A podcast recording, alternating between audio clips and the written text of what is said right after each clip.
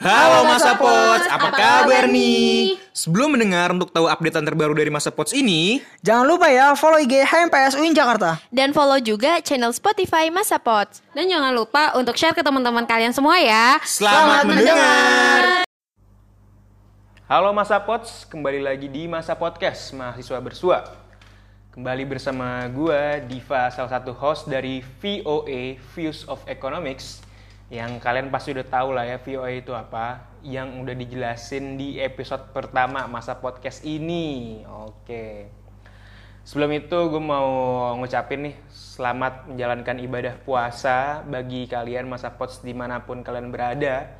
Semoga amal dan ibadah yang kita kerjakan di bulan puasa ini, di bulan suci Ramadan ini dapat diterima di sisi Allah Subhanahu wa taala. Dan semoga ibadah puasa kita tahun ini dilancarkan sampai lebaran nanti. Amin amin amin. Oke Mas Pots, kali ini VOA kedatangan salah satu bintang tamu nih. Datang salah satu narasumber dan kita bakal bincang-bincang mengenai perekonomian nih. Nah, dan salah satu bintang tamu ini, narasumber ini yang merupakan salah satu mahasiswa juga nih, mahasiswa ekonomi pembangunan di UIN Seri Jakarta dan juga sekelas juga nih sama gue nih di kelas C. Oke. Oke, siapa dia? Ini dia Fahmi Nur Hakim. Wih, Mi, apa kabar Mi? Alhamdulillah gue baik. Oke. Gimana nih Mi, sejauh ini kesibukan lo selain kuliah? Ah, kesibukan apa ah, aja nih? Kita throwback dari masa pandemi lah, pandemi Hmm. awal gitu. Oke, eh, halo Mas Sapot. Eh, sebelumnya perkenalkan nama gue Fahmi Nur Hakim. Gue mahasiswa ekonomi pembangunan dan benar gue sekelas sama Ya. Anca. Kelas 2C, Yoi, paling rame. paling rame, aman. Eh, kesibukan gue selain gue kuliah, gue juga ikut banyak organisasi. Terus juga eh, gue alhamdulillah diberi kesempatan buat jadi eh, manajemen bagi manajemen dari kedai kopi kayak gini. Terus di sisi lain juga gue juga eh, lagi aktif jadi investor. Heeh. Terus juga eh, gue lagi mencoba ke sektor lain itu sektor properti. Mantap, wis mantap. Eh, gue lagi mencoba kayak berusaha ikut kelas properti nanti sih di bulan April. Hmm, Udah sih itu doang. Gue paling gini aja. mantep nih dari perekonomian, dari usaha dulu nih. Eh, Nih, just for info nih, for your info nih, Masa Pots. Jadi ini gue sekarang nih tapping nih di kedai kopinya Fahmi. Di kedai kopi Katri ya. Apa? Eh, kedai kedai Katri. kopi, eh, kopi apa? kedai kopi kayak gini. Kedai kopi kayak gini. Wih, mantep nih. Kayak gini tuh kayak gimana? Sumpah Mi, kayak keren Mi, kayak keren Mi, kece Mi. Dan sayang nih Masa Pots nih kan ini gue tapping hari ini ya udah masuki bulan puasa lah ya. Hmm. Dan sore hari juga nih, jadi belum sempat bisa nyobain menu. Mungkin next time kali ya. Iya, slow. Atau nanti nih, atau mungkin ya nggak tahu nih. Kalau misalkan udah kelar nih, nanti pas buka puasa gue juga bisa kali buka puasa di sini. Sabi nggak Mi? Ya lagi libur sih. Oh lagi libur ya, sayang Iya, banget. apa-apa. Berarti next time aja ya. Next time, next Next time. time, oke. Makanya ntar next time undang gue lagi aja. Siap, siap, siap. Oke, sumpah. Nih buat teman-teman Mas Apots nih yang sekitaran Jabodetabek khususnya Bekasi dan Jakarta Timur nih boleh banget mampir ke sini nongkrong di sini di kedai kopi kayak gini ya. Ah, lokasinya ada Lokasi mana? di Ruko Bintaro Bekasi, Hmm. dekat Pasar Keranji. Mantap. Pokoknya wah, sumpah tempatnya kece. Terus sumpah sejauh ini wah bener-bener kece banget lah pokoknya Mi. Ya, tinggal tinggal menunya doang nih. Tinggal menu gue penasaran nih. Ya udah next time lah ya. Next time, next time. lah ya. Iya ada live musiknya juga nanti ya di Bisa depannya. lah ngisi, Iya, ya, bisa ngisi itu. Yoi. Mantap dah. Nah, ini bahas masalah eh, bahas usaha ini ya. Berarti kan ini usaha kuliner dong. Hmm, Kedai kopi kayak gini. Ah. dulu gue juga pernah sih Mi. Gue pernah ngejalanin usaha kuliner gitu di masa-masa awal pandemi gitu. Hmm. Dulu gue gua ng- usaha gue tuh minuman. Minuman Usaha apa minuman milkshake gitu, kayak green tea, Ah. Thai tea sama cappuccino. Oh, Dan iya, iya. sumpah awal-awal pandemi itu usaha-usaha minuman kayak gitu, usaha-usaha minuman botolan literan itu bener itu cuan banget. Asli. Ah, bener-bener. Alhamdulillah cuan banget. Apalagi botolan gitu ya. Bener. Botolan literan. Bener. Gue jual tuh setengah liter. Jual setengah liter. Sumpah cuan banget. Dan tapi akhir-akhir ke sini nih ah. merosot nih, mulai merosot. Biasanya gitu awal-awal promosi. Ah, ah. Mungkin emang ya jujur karena kesalahan gue juga kali ya karena emang karena kurang inovasi juga dari segi rasa atau gimana atau dari segi packaging. Ya tapi alhamdulillah sih kayak awal-awal tuh udah wah itu laku banget lah. Kita setiap restock Eh, gua gua nggak restock sih, gue pre-order masuknya. Tapi lumayan tuh ada 100 botol, harus botol, harus botol. Dan sampai sekarang ya ya alhamdulillah walaupun masih berjalan nih. Tapi ya agak-agak Agak inilah ya. Iya, ya. nggak apa-apa lah ya namanya Ini usaha juga kan, ya, namanya juga bisnis. Iya. Nah, kalau dari bisnis lu sendiri ini Mi, Kalau dari bisnis gue di kedai kopi ini ya Hmm. emang awal-awal pandemi apalagi kan awal-awal pemerintah menyatakan nih kalau di Indonesia udah masuk covid iya. itu kalau nggak salah di bulan Maret ya ya kita kena imbasnya Hmm. lockdown cuma kita untuk bisnis gue yang sekelas kedai kafe gini Hmm. dan gue yakin semuanya yang punya kedai sama kafe itu pasti ya bakal tutup ya kan. Benar. cuma uh, kalau gue pribadi uh, gue sendiri nggak nggak diem doang gitu. Nggak ketika lockdown ya udah gue cuma pasrah akan keadaan cuma nggak nggak kayak gitu. Ah. di situ gue coba buat inovasi. Nah salah satu inovasi di kedai gue waktu itu gue renovasi kedai gue sendiri. Gue ngebuat tema baru buat kedai gue. Jadi ketika pandemi udah selesai nih jadi temanya udah siap gitu jadi Oh. ya udah langsung Berarti mantep sih Mi kayak kebanyakan orang nih di awal-awal pandemi, kebanyakan orang pada mundur kan ya. Iya gulung tikar. Gulang tikar contohnya. Dan sedangkan lu nih, lu tuh memperbaiki kualitas lu gitu. Lu ngupgrade kualitas lu kayak tadi contohnya kan. Apa? Segi-segi kafe lu lu benerin, lu servis lagi. Wah, keren sih Mi. Kayak gue juga sih awal gini, yang namanya kuliner nih. Gue punya prinsip kalau kuliner tuh nggak bakal mati. Nggak bakal mati. Ah. Kalau kata orang selama orang masih makan Bener. bakal mati. Iya, sampai kapan pun dalam kondisi apa pun kayak bisnis kuliner ini tuh tetap berjalan. Ah, bener. Karena emang apa ya? Karena manusia tuh ya butuh makanan gitu, butuh makanan minuman buat jaga kelangsungan hidupnya, bener kan? Bener banget bener. Kayak baik sekarang, besok, seterusnya. Kayak dan usaha kuliner pun beragam kan. Banget banget. Ah, dari makan berat, minuman, snack segala macam jajanan itu sama-sama mempunyai peluang yang sama lah gitu. Jadi kayak wah gue kayak pas awal-awal pandemi kayak kepikiran buat usaha ya udah gue coba aja gitu jalaninnya prosesnya. Ya alhamdulillah gitu. Dan ini kalau boleh tahu sih eh, kedai kopi lu tuh udah, udah berapa tahun nih? Ah, kalau kedai kopi gue itu udah ada sekitar 4-5 tahun. 4 tahun, wah lumayan loh, udah lumayan lama ya. Sebenarnya juga orang-orang sini juga udah lumayan kenal sih sebenarnya, Hmm. udah lumayan notice. Cuma kalau gue pribadi, gue masuk ke sini waktu gue lulus. Jadi ya gue Hmm. dibilang masih lumayan awal lah. Lulus ini SMA. Ah, ah, terus abis lulus juga langsung dihadapi sama pandemi gini kan. berat iya benar-benar challenge banget lah Ah, buat challenge banget buat Ah. gue. Tapi ya karena adanya tantangan gitu ya, kita paling tertantang lah ya, Ah. apalagi di masa pandemi ini. Jadi jadi kayak kita tuh punya pelajaran gitu buat di masa tua kita nanti Ah, gitu. Kalau kita emang udah ngejalin ngelola bisnis sendiri. Dan ini kalau boleh tahu ini bisnis keluarga atau gimana Mi?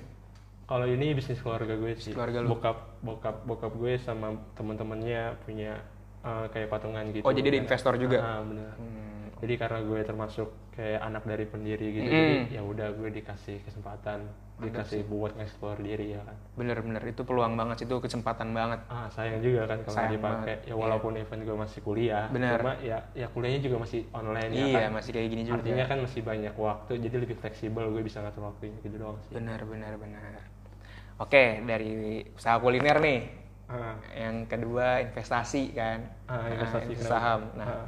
gimana sih Mi? Gue jujur nih, gue dari kemarin itu gue masih agak-agak bingung gitu. Hmm. Gue pengen investasi, tapi dari kemarin gue masih belajar sih teori-teorinya Hmm. gitu dari awal. Gue sih masih mau reksadana sih palingan di Hmm. bibit. Ah. Nah, dengar-dengar nih, lu ini investasi lu udah ke Bursa Efek Indonesia ya, bener gitu?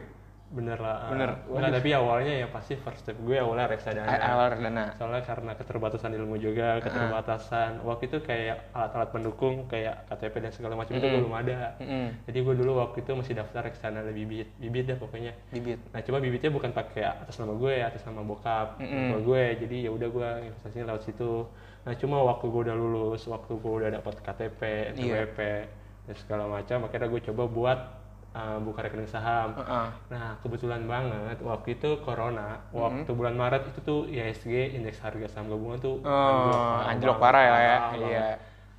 Ya itu situ posisi posisi positioning gue pas banget sih masuknya di situ. Gue Ah. nggak nggak- nggak kebayang nggak ke expect kalau gue masuk sebelum corona tuh. Heeh. Wah gila gue baru masuk langsung tiba-tiba dihadapin kayak gitu. Wah gue pasti langsung ya kayak takut lah ya. Iya, buat pasti. lagi. Heeh. Cuma ya mungkin ya bersyukur sih gue. Kerugian yang pernah lo alamin gitu. Kerugian. Itu paling gede berapa sih Mi kalau boleh tahu? Ah, mau ngomong nominal Enggak, ya enggak Oh, usah oh, nominal deh. Persenan aja. Persenan aja. Persenan ah. aja. Eh, persenan gue pernah lu- rugi 30%. Itu waktu walaupun udah udah ini loh, udah harga saham udah anjlok. Heeh. Gue masuk nih, Mm-mm. gue beli, gue bisa gue beli, eh harganya naik. Iya. Nah bodohnya ketika harga turun, Heeh. gue malah ngejual, salah Wah. banget. Jadi ya udah gue nggak malah bukannya cuan malah buntung. Bener bener. Itu sih yang uh, akhirnya ngebuat mindset gue berubah.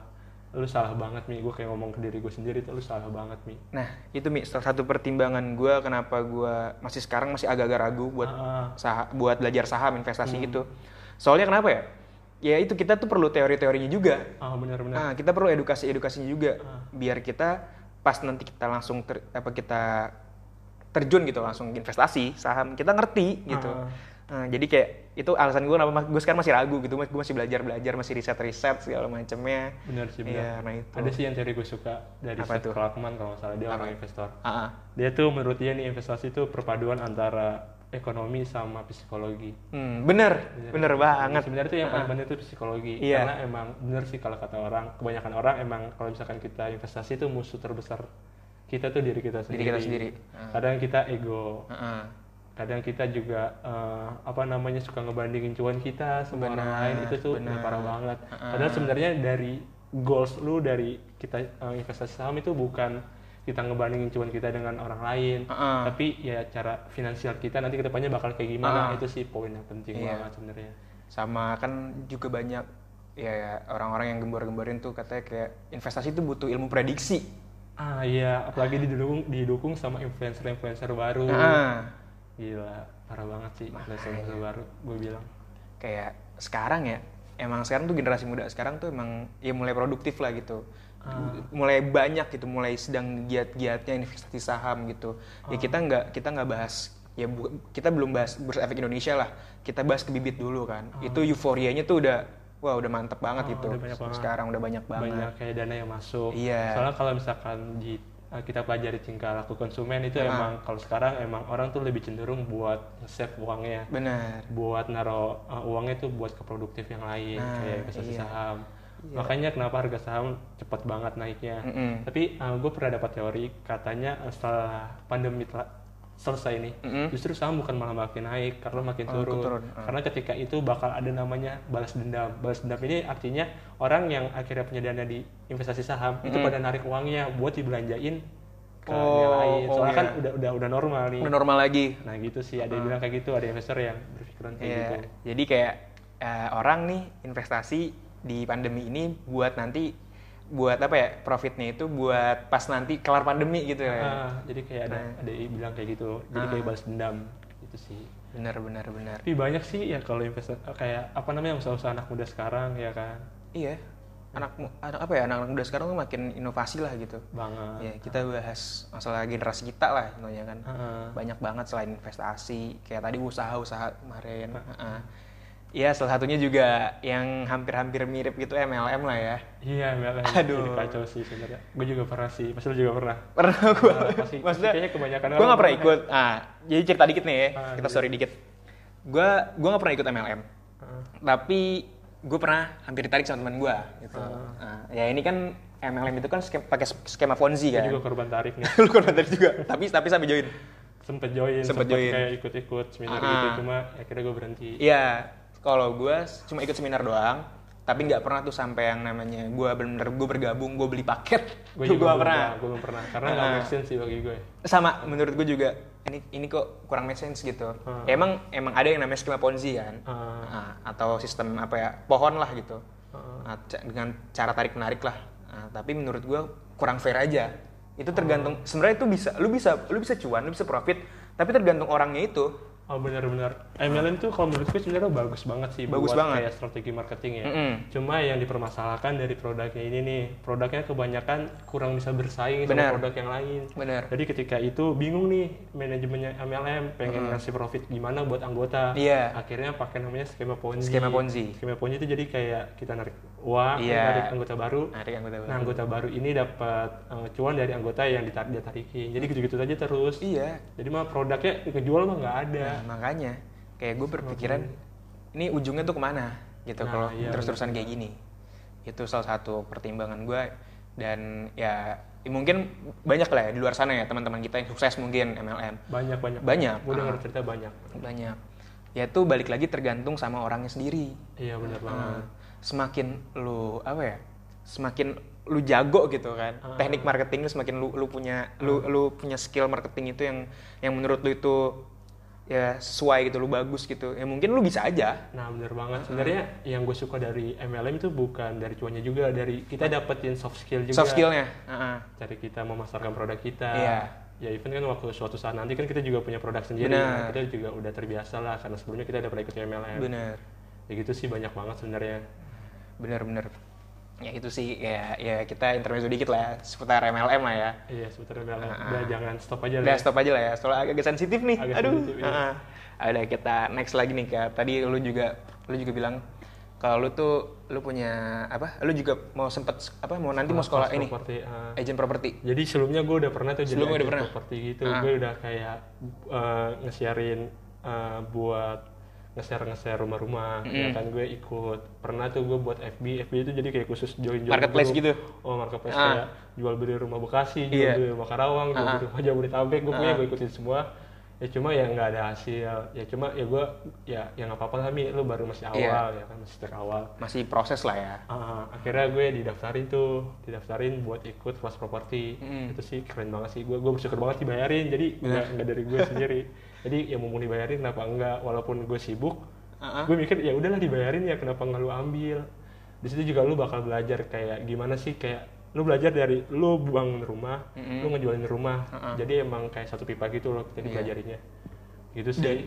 dan sekarang juga bisnis properti itu mer- merupakan salah satu bisnis yang menurut gua itu lagi berkembang banget di Indonesia Ah, lagi berkembang banget. Nah, apalagi kayak banyak gitu ya pasangan-pasangan baru yang Nah, rumah, benar. ya kayak generasi-generasi muda juga kayak generasi-generasi kayak kita gini nih Ah, itu banyak banget kali yang banget apa banget, yang terjun ke dunia properti lah banget, gitu banget banget sih. Iya, soalnya ya- kita jadi target, jadi target. jadi buat- target ah, Heeh. wah azan mi ya udah Iya. kita skip dulu lah ya Kalem, Nah, kalem. kita next nanti nah iya kita lanjut lagi tadi lagi bahas masalah properti ya Iya.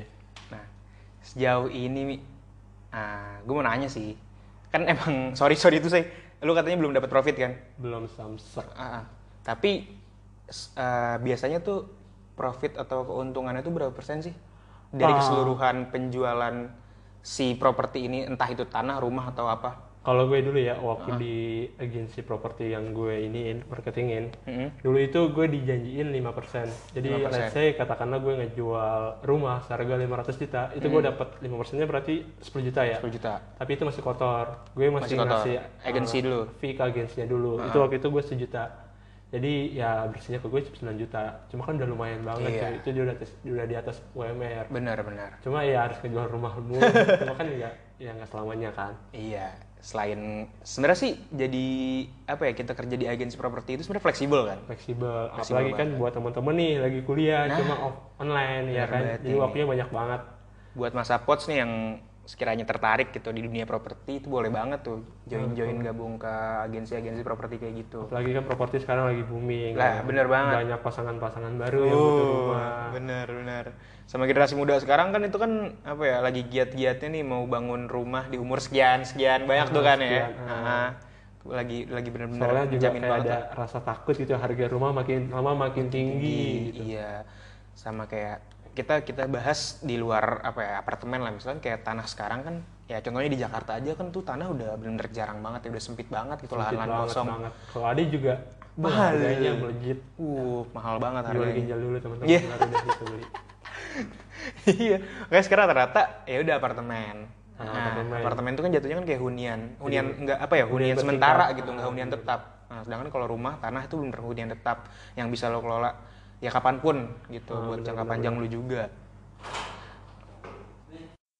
Oh iya Mi, tapi kan eh, resiko dari agensi properti ini kan itu juga lumayan gede ya. Kayak misalkan contohnya nih, eh, lo ngejual suatu tanah, lo mempromosikan suatu tanah, yang tanahnya itu ya ada sengketa tanahnya gitu. Oh iya iya benar benar benar.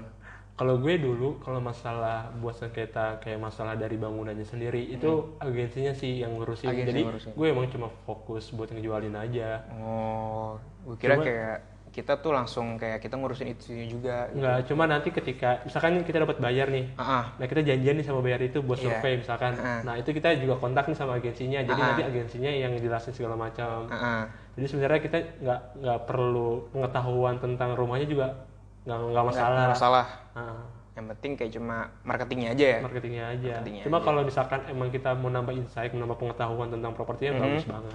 Boleh banget. Hmm. Sama nih, tadi kan nyambung ke masalah agensi properti nih. Ah, Kita juga kan sekarang-sekarang ini kan apa ya? Ya tadi yang dibilang properti itu lagi gemilang banget, itu lagi booming banget, yang lagi menjamin banget dan anak-anak muda lagi tertarik lah gitu sama agensi properti. Tapi kadang eh, masalah-masalah itu menuai krisis tuh mi.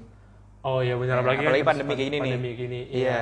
Makanya uh, waktu beberapa bulan yang lalu ada stimulus tuh dari pemerintah Heeh. KPR 0% kalau nggak salah. Pokoknya pemerintah kayak ngasih banget gitu buat apa namanya menaikkan nih industri properti ya kan soalnya kan lesu banget nih waktu pandemi. Bener. Uh, kalau bicara krisis ke bahas ini ya krisis. Oh, boleh banget, boleh banget. Kita kita flashback ke 2008, 98, boleh banget. Oh iya, uh, kayak dari mungkin lebih kayak ada ininya kayak ada persamaan kali ya krisis pandemi sekarang sama Iya. krisis Karena gue yakin yang pasti ya krisis pandemi sekarang ini juga hampir berhubungan gitu sama krisis Ah, 2008, 98. Bahkan ya yang kita tahu juga yang pernah kita baca krisis 2008 pun itu juga berkesin- berkesinambungan dengan krisis apa tahun 98 kan. Uh, Sebenarnya krisis 2008 itu ada kaitannya tuh sama properti. Gimana tuh? Waduh, jadi ini uh, merupakan krisis finansial di global, Uh-huh. krisis dunia yang terjadi nih di negeri Paman Sam, di negeri Amerika. Amerika. Heeh. Jadi awalnya dulu tuh uh, Amerika tuh orang-orang Amerika, dia punya mimpi, pengen punya rumah. Jadi makanya ada istilah namanya American Dreams. Heeh. Gue pernah denger tuh. Iya pernah dengar kan? Heeh. Soalnya emang udah familiar banget dengan kata itu. Nah ketika itu eh, kan karena emang masyarakat di Amerika pengen punya rumah, Iya. makanya dia eh, bela-bela ini buat kredit rumah. Mm-mm. Nah permasalahannya pada tahun 2008 yang menjadi penyebab krisis moneter tersebut itu dikarenakan membengkaknya kredit yang macet. Jadi ini kan kalau kita sekarang nih, kalau kita pengen kredit rumah ke BBTN, eh ke BBTN maaf, ke Bank Tabungan Negara BTN, eh, kita pasti kayak bakal dicek nih kelayakan dari kredit kita bakal Bener. bakal benar atau enggak Ah, ya kan? sampai kayak gini mi gue pernah baca seputar apa ya bahkan pernah ngeliat juga video-video gitu yang dia lagi ngebahas KPR kan Hmm. Ah, kredit perumahan rakyat ada beberapa profesi yang nggak diterima KPR Nah, ya Allah jangan kan kayak- lu artis, Ah. gaji, gaji lu sebulan itu misalkan 500 juta, Iya. tapi nggak setiap hari nih, nggak nggak maksudnya nggak setiap bulan. Hmm. dibandingkan kayak PNS yang gaji lu cuma UMR tapi setiap bulan itu tuh bang lebih percaya terhadap PNS tersebut. yang tetap ya yang iya, punya yang gaji jadi tetap ah, yang gajinya sustainable mulu setiap hari ada, setiap bulan ada. Dibandingkan lu pada lu gaji eh, artis nih, Iya. se- sebulan 500 juta, Ah. cuma habis itu bulan berikutnya belum tentu ada endorse lagi, Benar. itu lebih ditakutin di bawah. Ah. Nah ini nih permasalahan ini yang terjadi di Amerika yang pas tahun 2008. Hmm, iya Jadi ketika itu ada deh nama institusi keuangannya namanya Lehman Brothers. Dia Iya. ini maruk banget. Jadi dia akhirnya kan awalnya nih orang-orang yang dikasih kredit KPR itu orang-orang yang emang berkelayakan. Mm-mm. Namun karena maruknya ini akhirnya orang-orang yang nggak nggak punya penghasilan yang cukup, Ah. bahkan yang seorang imigran nih orang dari dari luar negeri Iya. paman Sam datang ke Amerika, Ah. terus kerjaannya nggak jelas itu tuh dikasih gitu buat kredit rumah. buat kredit rumah Ah. Nah, ada time suatu saat eh, ada puncaknya nih kredit rumah tuh macet banget, nggak kebayang nih orang-orang yang yang nggak punya penghasilan. iya Ya udah, akhirnya bubble tuh properti. waduh tuh makanya tuh masa pots kayak apa ya setiap krisis pasti berkesinambungan juga kan dan Banget. yang pasti walaupun ini terjadi di Amerika Indonesia pasti kena imbasnya dong Kena, apalagi kalau misalkan kita kaitin nih sama pasar modal. Ini kalau teman-teman lihat eh, chart IHSG itu, iya itu tuh awalnya naik nih di tahun 2005, 2006, 2007, 2008, tiba Langsung anjlok. anjlok. anjlok. ah. Nah, itu Parah sih itu. Uh, jadi ya emang ketika itu uh, apalagi waktu kan jadi kan dulu juga ada namanya sales marketingnya juga nih kayak gue dulu. ah, ah. Cuma namanya sales marketing gue dulu uh, dia modelnya ngincer bonusnya doang nih. Jadi nggak cari wordnya doang gitu ya, Kayak- iya ngincer rewardnya doang. Jadi nggak dilihat nih uh, orang ini berkelayakan atau enggak. Ah, ah. Jadi ya udah dong semakin banyak, semakin banyak, semakin banyak, semakin gede nih gelembungnya. Ya udah dia pecah. Akhirnya gue langsung kayak pengangguran banyak banget. IHS IHSG yang dana-dana asing keluar itu kan menyebabkan indeks harga saham gabungan itu kan merosot kan. Ah, nah, benar-benar. dan Bursa Efek Indonesia bahkan harus Nah iya tuh IHSG. Jadi tuh sebenarnya waktu tahun awal tahun 2008 IHSG itu sebenarnya mengalami tren penguatan nih cak. Cuma akhirnya waktu uh, ketika Lehman Brothers terkuak nih, Mm, justru IHSG malah mengalami uh, sebaliknya gitu. Bukannya jadi penguatan malah justru bearish, penurunan yang sangat tajam. tapi ini Mi, uh, sedangkan pada saat itu ya, ini berdasarkan riset yang gue baca aja gitu. Itu di pasar obligasi kan juga mengalami tekanan kan? Nah iya ini juga senada sih di pasar obligasi sama pasar saham senada. Jadi waktu itu emang harga surat utang Indonesia itu anjlok tajam juga. Jadi Iya. cuma saham juga. Mm-mm. Imbas hasil dari YIT melonjak tajam juga turun sekitar 10% sampai 17% lah kalau nggak salah. Itu menurut data BIC yang gue baca. Nah habis itu juga eh, itu merugikan juga sih kepada bank-bank BUMN Mm-mm. kayak misalkan Bank Mandiri, Bank Buku Empat ya pokoknya intinya yang bank-bank Iya. gede. Nah tapi untungnya waktu itu tuh cukup beruntung gitu. Dia dapat injeksi dari pemerintah, jadi sempat tertolong gitu loh. Jadi kayak ada restrukturisasi dari pemerintah gitu cak. Hmm, oke oke. Sekian aja kali ya di krisis 2008 ya. Eh mungkin biar cepat kita ke Iya, kita next 98. 98 aja kita throwback Nah, iya. 98 lagi. Kan seperti yang kita tahu kan 998 ini misalkan dilihat dari ini ya di luar sudut pandang keuangan ya. Mm-mm. Kan sebenarnya kan soalnya 98 itu ada politik juga ya. Politik. Parah, parah politik kenceng banget. Tapi kita dibahas ini lebih bahas in- dari scope Sudut, sudut pandang ekonominya aja, Ah, iya, lingkup ekonominya. keuangannya aja. Ah, ah. Jadi itu eh, awal tahun krisis 9098 itu terjadi di Thailand, di negara tetangga kita. Mm-mm. Jadi awalnya itu ketika itu negara Thailand itu eh, memiliki suku bunga yang sangat tinggi, Cak. Sekitar 10% dah. Cuma itu mengalami ketimpangan suku bunga di antara negara-negara tetangganya. Iya. Kayak dari Jepang nih. Jepang waktu itu suku bunganya 2%. Cuma kalau di Thailand itu 10%. Jauh beda banget kan. Timbangan banget. Ah. Nah akhirnya waktu itu pengusaha-pengusaha di Thailand tuh pengen buat skema bisnis baru nih. Iya. Jadi dia minjem uang yang ada di di Jepang yang bunganya cuma 2%. Terus dia jualin Thailand yang bunganya 10%. Iya. Masih ada selisih dong 8%. Masih selisih, ah. Nah, awalnya gitu, awalnya eh, berjalan lancar. Mm-mm. Awalnya juga di- dihitung positif kan. Terus sampai akhirnya eh, negara Thailand itu eh, berhasil mencatatkan kenaikan tinggi di bidang ekspornya. Itu di awal tahun 90-an. Mm-mm. Cuma pas tahun 95 ketika itu ekonomi Cina mulai bangkit nih, Cak. Iya. Ketika ekonomi Cina mulai bangkit, akhirnya dia mulai menyaingi dari Thailand tersebut. Hmm. Akhirnya terjadi penurunan ekspor nih di negeri Thailand. Ah. Nah, udah gitu uh, ditambah ketika itu masyarakat Thailand seneng uh, buat konsumsi produk dari luar negeri. Iya. Jadi dia seneng impor. Ah. Nah, ya kan, ketika itu juga ekspor akhirnya turun, ya udah mau nggak mau, yang pengusaha-pengusaha tadi tuh kreditnya macet, utangnya tinggi banget. Nah, akhirnya ketika itu pemerintahan Thailand tuh berusaha ngebantu gitu, Cak, dengan cara menggunakan uang devisa negaranya, Iya. ya kan. Nah, cuma sayangnya ketika itu negara Thailand tuh lagi eh, melakukan kebijakan moneter juga. Kebijakannya itu dia mau mata uang negaranya dia, baht, itu jadi stabil. Hmm. Nah, dengan cara stabil itu caranya sih gampang sih dengan cara mengorbankan devisa yang kita punya. Iya. Tapi pertanyaannya seberapa banyak devisa negara dari Thailand? Mm-mm. Nah, akhirnya kan karena nggak bisa juga ya. Yang satu kita harus nahan uh, ngatasin kredit-kredit macet yang pengusaha-pengusaha uh, yang minjem falas itu deh pokoknya forex. Di satu lain uh, pemerintah juga lagi berusaha buat mata uang bat stabil. Iya. Cuma ya karena nggak bertahan lama, ya akhirnya pada tahun 1997 deh kalau nggak salah gue pernah baca, pemerintah Thailand mengungkapkan dia nggak bisa mampu bayar utang. Akhirnya dari situ mulai itu, akhirnya mulai bikin berantai ke Indonesia. Indonesia. Ah, ah, Indonesia kayak kena imbasnya lah Indonesia ya. juga kena. Indonesia waktu itu juga pengen dia nerapin kebijakan moneter. Ah. Dia juga pengen nilai uang eh, rupiah nggak nggak mengambang itu nggak bebas nggak terbang jauh ya kan. Ah. Cuma mungkin eh, BI waktu itu Bank Indonesia waktu itu juga punya perpikiran yang sama. Kita nggak Iya. bakal punya eh, cadangan devisa yang mampu buat menahan supaya rupiah nggak terbang. Nah sebenarnya kalau misalkan disamakan sama krisis pandemi sekarang, Mm-mm. itu kalau menurut gue kurang. Sebenarnya sama, cuma beda situasinya aja. Situasinya. Kalau dulu emang parah banget. Lu bayangin aja uang dari 2000 naik sampai 16.000 ribu. Iya Itu sih. kan parah banget kan. Itu udah ada 8, 8 kali lipat ya nggak sih? Orang yang ini ya, ini yang pernah gue baca sih kayak Ah. faktor utama penyebab krisis 98 itu kan ya selain krisis keuangan regional Asia tadi yang Iya, akibat benar. utang masif swasta. Nah itu juga kan terjadi money ya, yang akibat ketidakpercayaan pasar dan dunia usaha tuh. Nah, iya bener banget.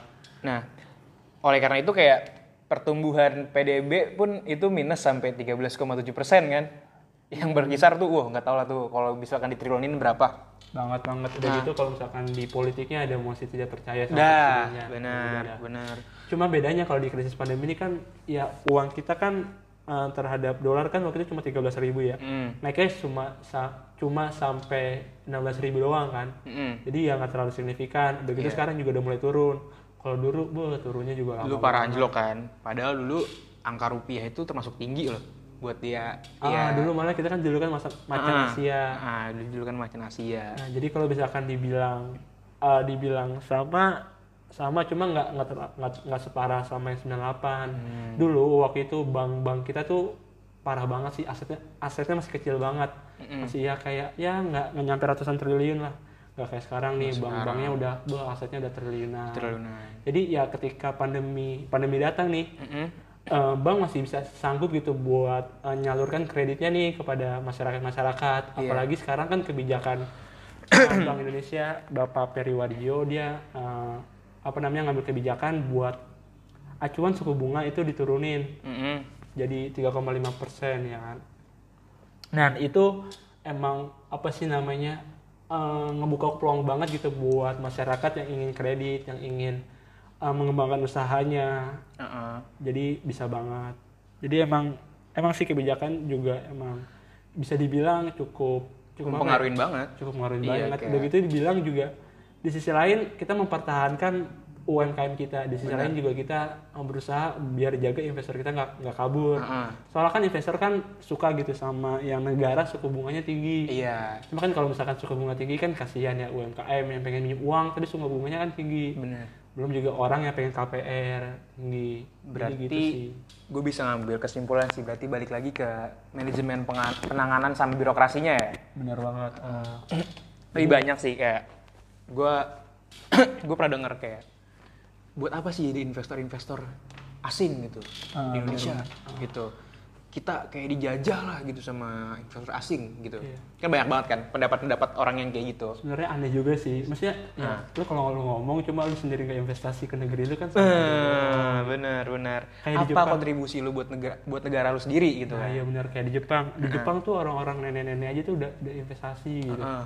walaupun udah nenek-nenek yang harusnya dia nikmati dana pensiun dia cuma dia investasi Investasi. jadi kalau di orang-orang Jepang tuh dia nggak punya mindset jadi kan kalau orang kita kan lu nih nanti ketika tua nih Ah, tanggungan lu dibayarin sama anak lu Anak, ya kan? iya. kalau di Jepang enggak jadi Sendiri. emang kalau udah tua ya udah dia sendiri jadi lu Ah. nggak ngebebanin anak lu Ah. itu sih yang pengen gue coba nanti gue sama kalau gue udah berkeluarga gue Iya. pengen gue nyiapin buat dana pensiun gue sama buat anak gue jadi ketika anak gue udah gede nih jadi dia nggak perlu mikirin buat tanggungan hidup gue gitu jadi gue dia fokus sama keluarga dia fokus sama terhadap keuangan dia sendiri itu sih yang gue paham bener sih kayak zaman sekarang ya itu terlalu orientasinya terlalu ke jangka pendek sih. Benar-benar. Nah, tapi dia nggak tahu jangka panjangnya kayak gimana di hari tuanya dia kayak bakal dia bakal kayak gimana gitu. Heeh. ya oleh karena itu nih kayak kita nih generasi muda tuh peran kita tuh sangat berpengaruh gitu buat ya buat Indonesia di di hari yang apa di tahun yang akan datang gitu. Di generasi kita nanti saat kita ya contohnya pada saat kita inilah kita kita yang memimpin negara inilah gitu.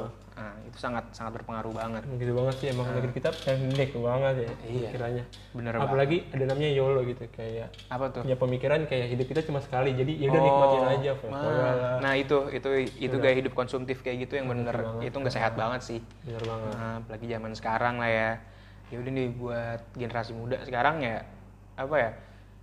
Ya lu tuh harus kritis juga sih sama masalah-masalah kayak gini nih kondisi-kondisi krisis kayak gini. Soalnya itu juga bakal berimpact juga nanti di di hidup lo di hari yang akan datang gitu di tahun yang akan datang gitu. jadi lo harus lu lu harus kritis juga lah buat masalah-masalah kayak gini tuh apalagi ya peran generasi muda kayak kita nih peran mahasiswa nih berpengaruh banget kan.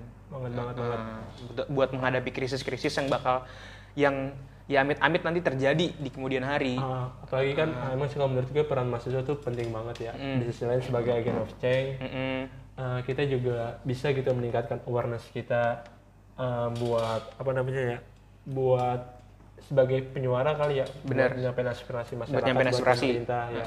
Karena juga mahasiswa kan merupakan strata strata tertinggi ya nggak sih? Benar. maksudnya suaranya juga diperhitungkan sama pemerintah. Jadi bisa banget sih buat itu. Kayak apa ya kayak benang merahnya tuh di mahasiswa gitu. Ah bener Nah, banget. perantaranya tuh di mahasiswa. Kayak sekarang makanya kayak kemarin juga ada sempat demo omnibus law segala macam. Tapi kita nggak mau bahas ini ya kita nggak mau bahas omnibus law. Karena ya menurut kita kita kita bukan orang yang capable buat ngebahas ini.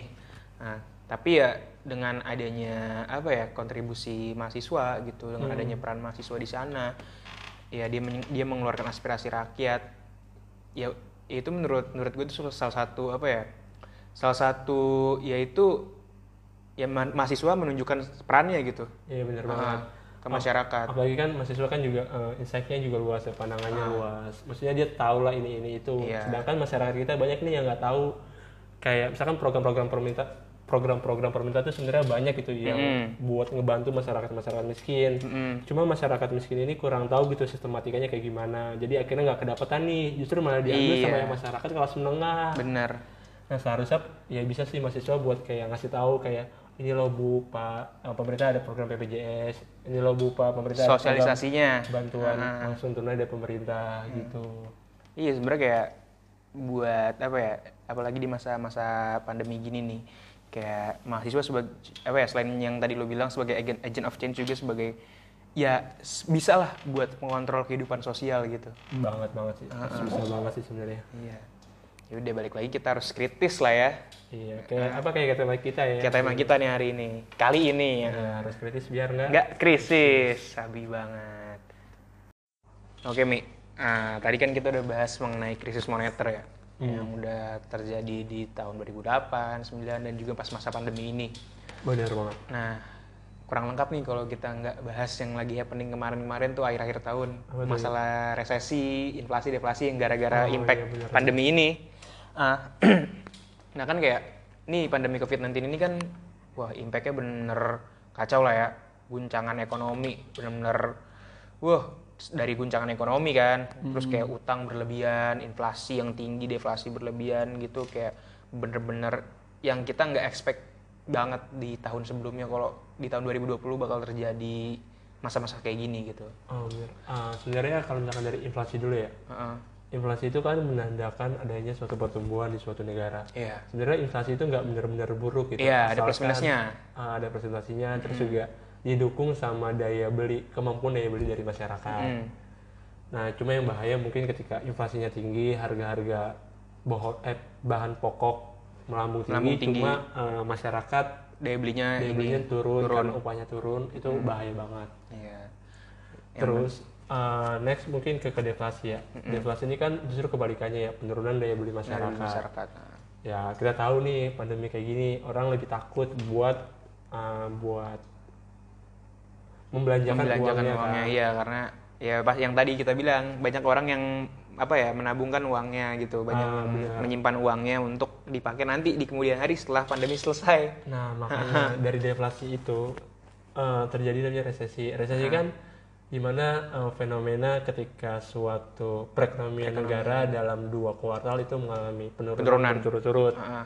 Nah sejauh ini sih udah udah berapa ya? Udah tiga kuartal kalau nggak salah. Dari udah pertama, hampir nih iya dari September kan ya kalau nggak salah ya puncaknya pas September ya kalau nggak salah, pas kuartal ketiga. Mm-mm.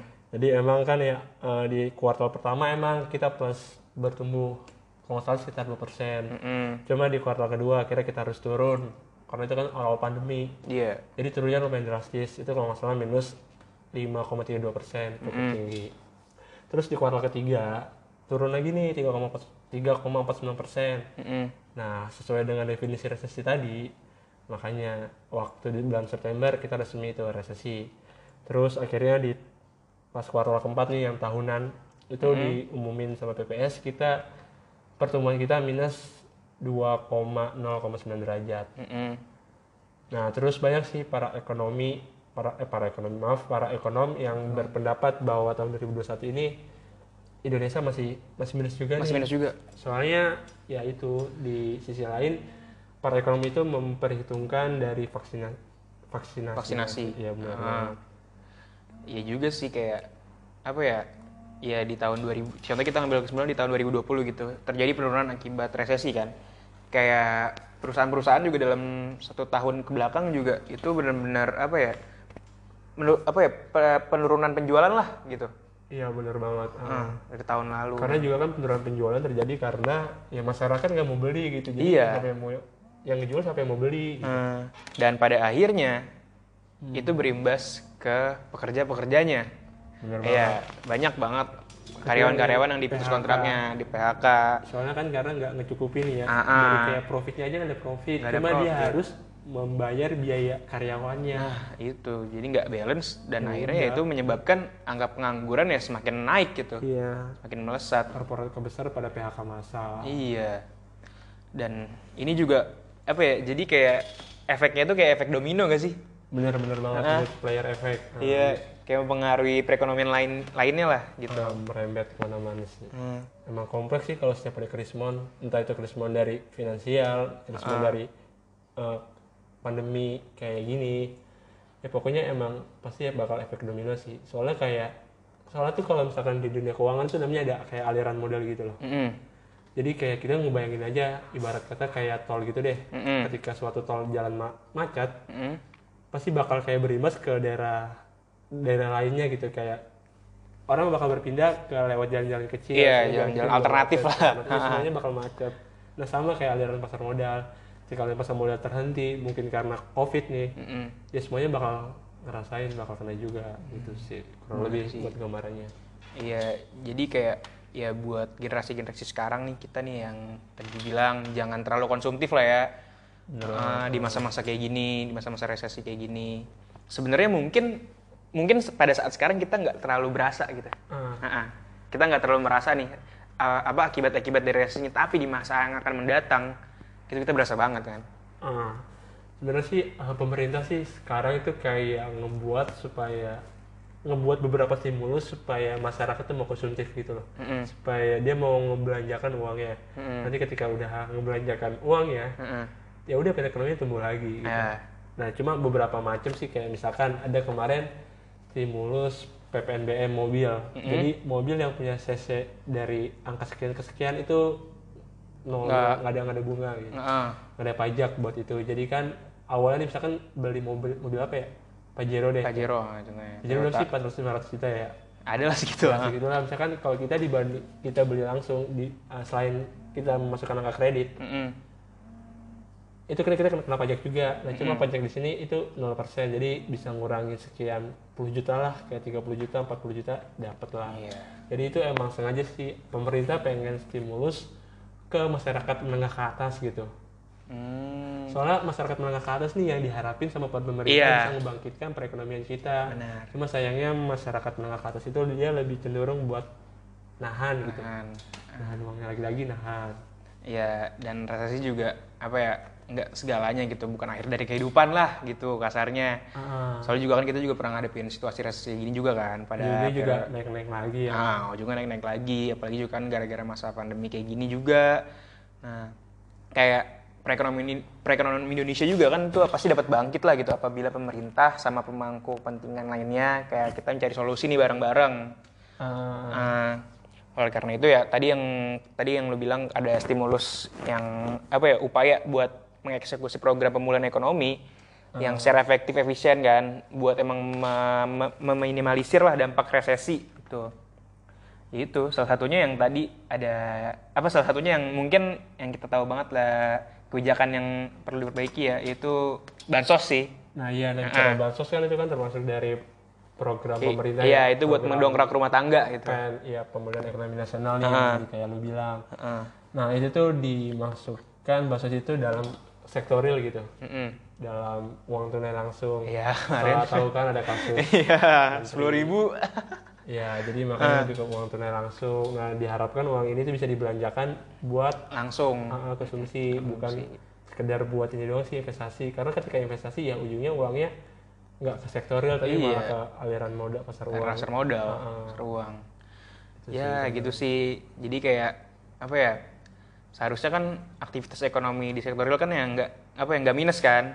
Benar benar Nah, banget kuncinya itu yang tadi tuh di bansos yang ada di sektor rumah tangga. Ah. Jadi daya beli masyarakat juga harus ditopang karena konsumsi kalau apa ya kalau sampai konsumsi rumah tangga aja sampai minus gitu, ya berarti program bansos nggak ada efeknya dong.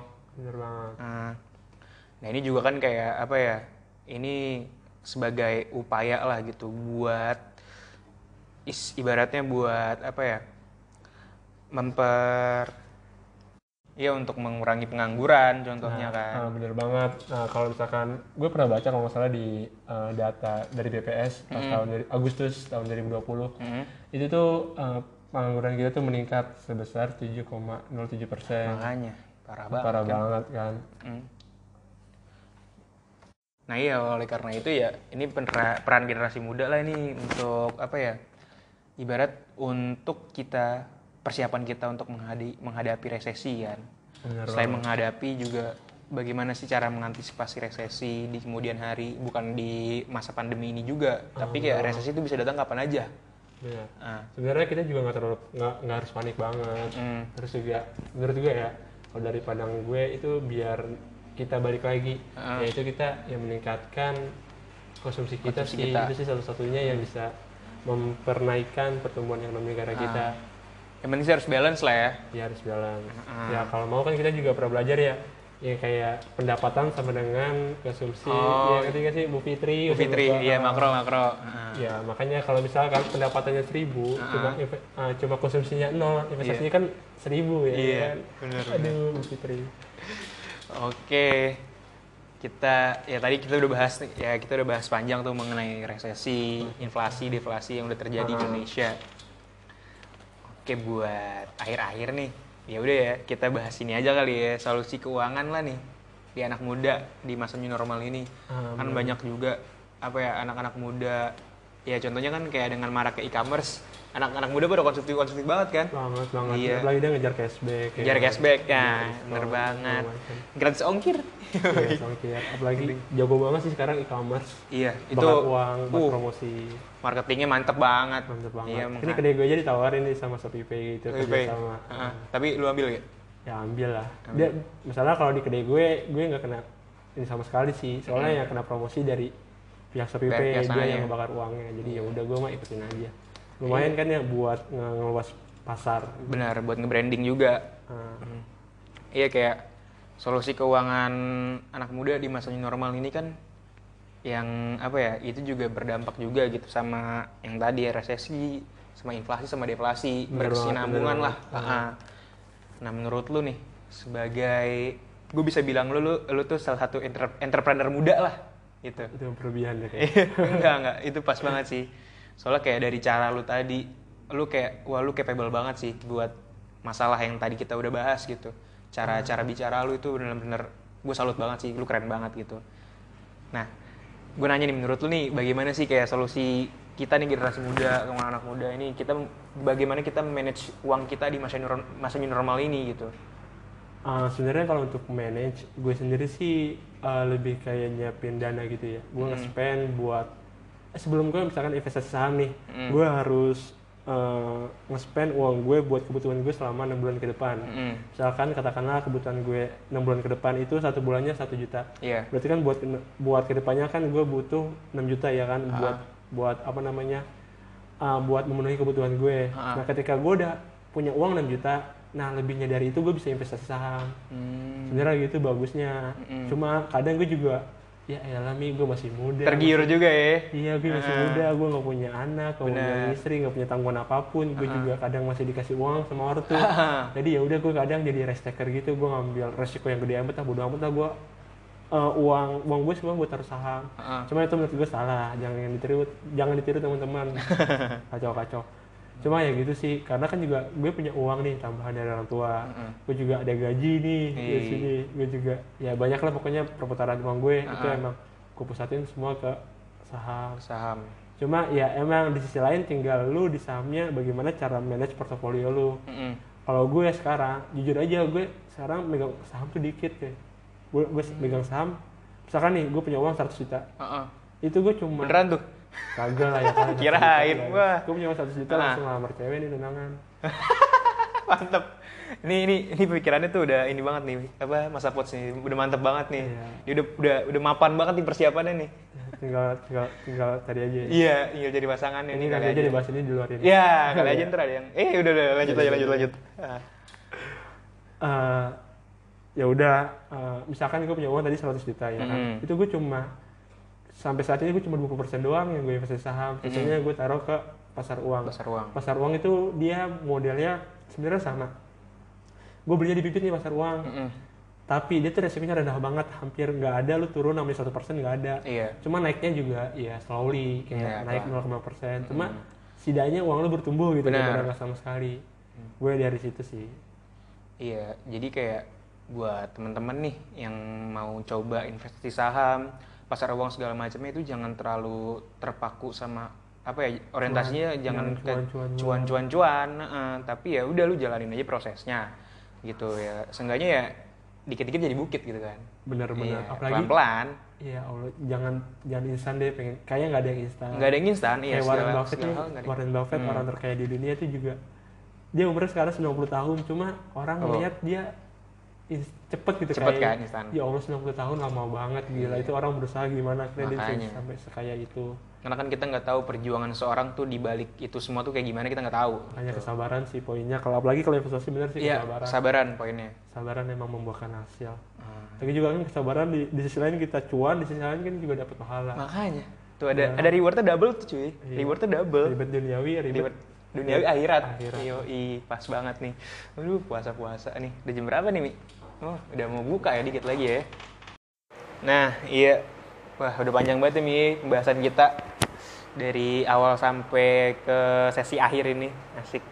dari, usaha Iya, terus ke kris moneter, 98 2008 ah, deflasi, inflasi, resesi sampai ke tadi solusi keuangan ah Wah, itu udah panjang banget udah kita bahas segala macamnya. Kita kupas tuntas nih bersama salah satu narasumber kita yang sangat inspiratif dan informatif serta entrepreneur muda juga nih cuy. Enggak lah enggak lah. Mantap deh. Ya apa ya dalam bahasan hari ini gue gue bisa ini sih gue bisa menyimpulkan hmm. bahwa apa yang kita tanam hari ini akan kita tuai di masa akan di masa yang akan datang sih benar-benar benar. Heeh. ada juga kan masa yang akan datang juga belum ada pasti juga kan belum bakal pasti kayak juga gimana Heeh. kemungkinan juga ya pasti ada, ada yang namanya krisis lagi ya kan banyak Heeh. nah oleh karena itu nih kita sebagai generasi muda apalagi kita mahasiswa ya kita harus peka terhadap hal-hal kayak gini nih benar-benar Kita harus benar. kritis. jangan nutup mata jangan nutup telinga setidaknya tuh kita aware lah gitu terhadap masalah-masalah seperti ini.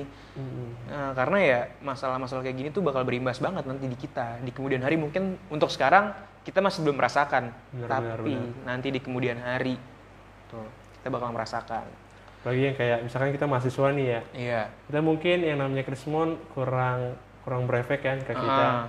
Cuma nanti suatu saat ketika kita udah menjadi orang tua nah udah itu. kita mencari duit Cari buat uang sendiri. kuliah anak kita Heeh. eh, ada krisis. Aduh, Ya. rasain dah tuh.